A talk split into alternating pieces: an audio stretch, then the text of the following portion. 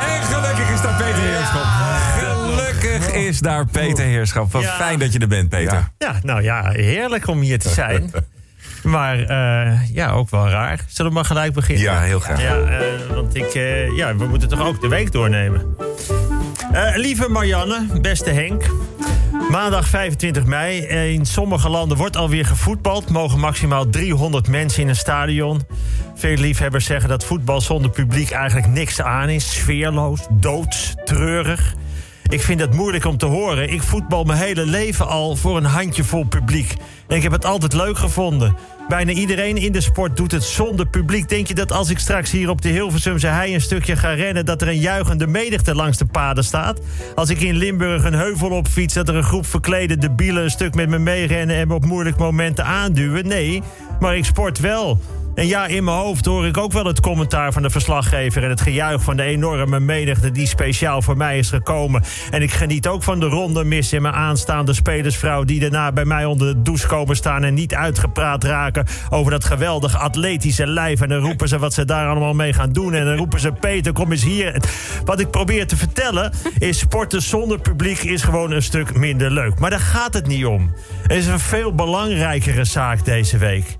Dinsdag 26 mei. Ik kan een praktische oplossing geven voor schouwburgen en dergelijke. Bijvoorbeeld 100 man in een schouwburg. Je kunt ook zeggen, ouderen zijn de kwetsbare groep, jongeren minder. Dus het getal 100 mensen zegt niks. Neem voortaan het aantal jaar dat in een zaal mag zitten. Bijvoorbeeld maximaal 7000 jaar. Dat zijn 100 mensen van 70. Of 200 mensen van 35. Of 400 van 17,5.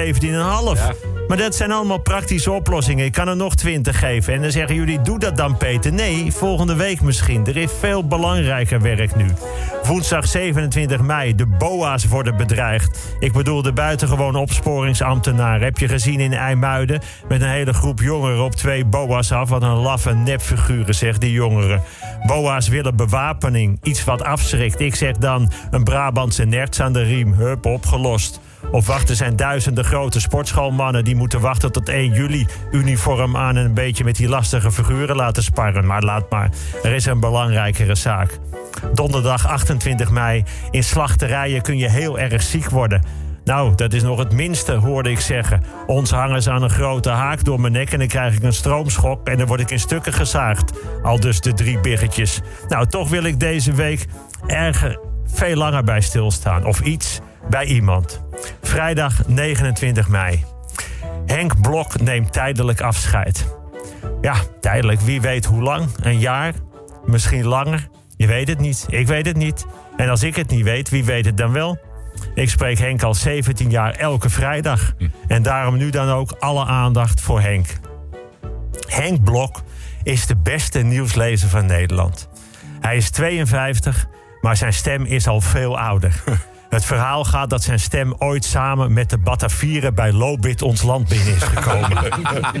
Die stem, die diepe sonore stem, die onovertroffen stem... die zo diep trilt dat hij regelmatig wordt opgeroepen... om nieuwslezend ergens een niersteen te vergruisen. Wat een stem. Als ringtoon had ik een tijdje zijn uitspraak van Christina Aguilera. Ik zou je zeggen, om die steeds weer te horen, nam ik de telefoon niet op. Dan bleef ik luisteren naar de stem van Henk. Als ik moest kiezen tussen goede seks of de stem van Henk. Nou, dat is dan geen goede eh, vergelijking. Nee, maar het gaat mij erom. We over Henk Blok. Henk The Voice. Meneertje Nieuws, koning van de luide lach. Groothertog van genieten. Kroonprins van het terughaalnieuws. Baken van vertrouwen in de ochtend. De grote aanvoerder. Hier, hij die van nieuws iets nieuws kan maken. Tsaar van de timing. Half mens, half stemband. De journalist formerly known as gewoon Henk.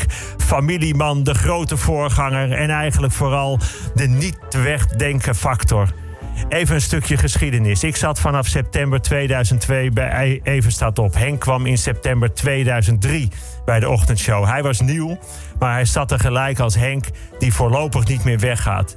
Al 17 jaar zie ik Henk elke week op vrijdag. En als we elkaar zien op zo'n vrijdag, zegt hij... Ha, Peter. En dan zeg ik, ha, Henk. En dan zegt hij, alles goed? En dan zeg ik, ja, met jou ook. En dan zegt hij, ja, nog nieuws? En dan zeg ik, nee, niet echt. Zegt hij, nou, dan zijn we weer bijgepraat. Wij hebben niet meer nodig om elkaar te waarderen. Maar er zit wel meer achter. Voor mij, voor iedereen, voor luisteraars. Want Henk staat ergens voor.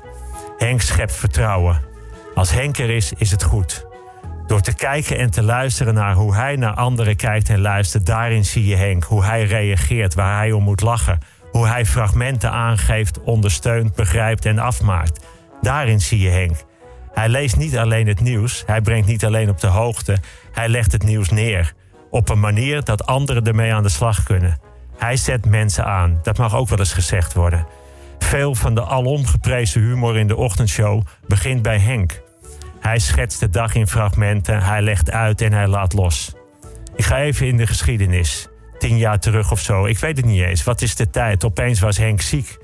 Ik weet niet eens of het opeens was. Sarcoïdose, dat is een soort reuma. Ik heb het opgezocht. Sarcoïdose is een aandoening waarbij ontstekingen ontstaan in verschillende delen van je lichaam, zoals de huid, organen en gewrichten. Let op, Sarcoïdose komt vaker voor bij mensen van negroïde afkomst. Snap je? Dat is die er ook nog een keer. In Henk zit dus een grote, soepele neger. Met die stem. Henk is de Barry White van de Nederlandse radio. Henk was een tijdje afwezig. Henk was ziek, maar Henk kwam terug. Dezelfde Henk, alleen hij liep moeilijk. Lopen was zwaar. Had hij pijn? Denk het wel. We spraken er niet over. Hoe gaat het? Goed. Met jou ook? Mooi. Zijn we uitgepraat. Ik zocht op wat de ziekte was. Ik wist wat hij moest voelen. Ik zag de twijfel, maar vooral zijn doorzettingsvermogen. En altijd genieten. Jaar in, jaar uit. Henk is er altijd. Vergis je niet. Dat vind ik dus belangrijk. Hij geeft een programma de grondtoon waarop het niet mis kan gaan. Hij gaat filmpjes maken, Henk in de regio. Hij krijgt op elke maandagochtend de vraag van de luisteraar... waar hij antwoord geeft op een vraag van een luisteraar. Elke vraag, elke vrijdag ook de vraag aan mij. Hoe gaat het? Met mij goed, met jou goed, mooi. Zijn we bijgepraat. Terwijl wij van Everstad op overal heen gingen naar EK's en WK's, alle Olympische Spelen, weet ik veel waar allemaal. Henk bleef in de studio, want Henk is de basis.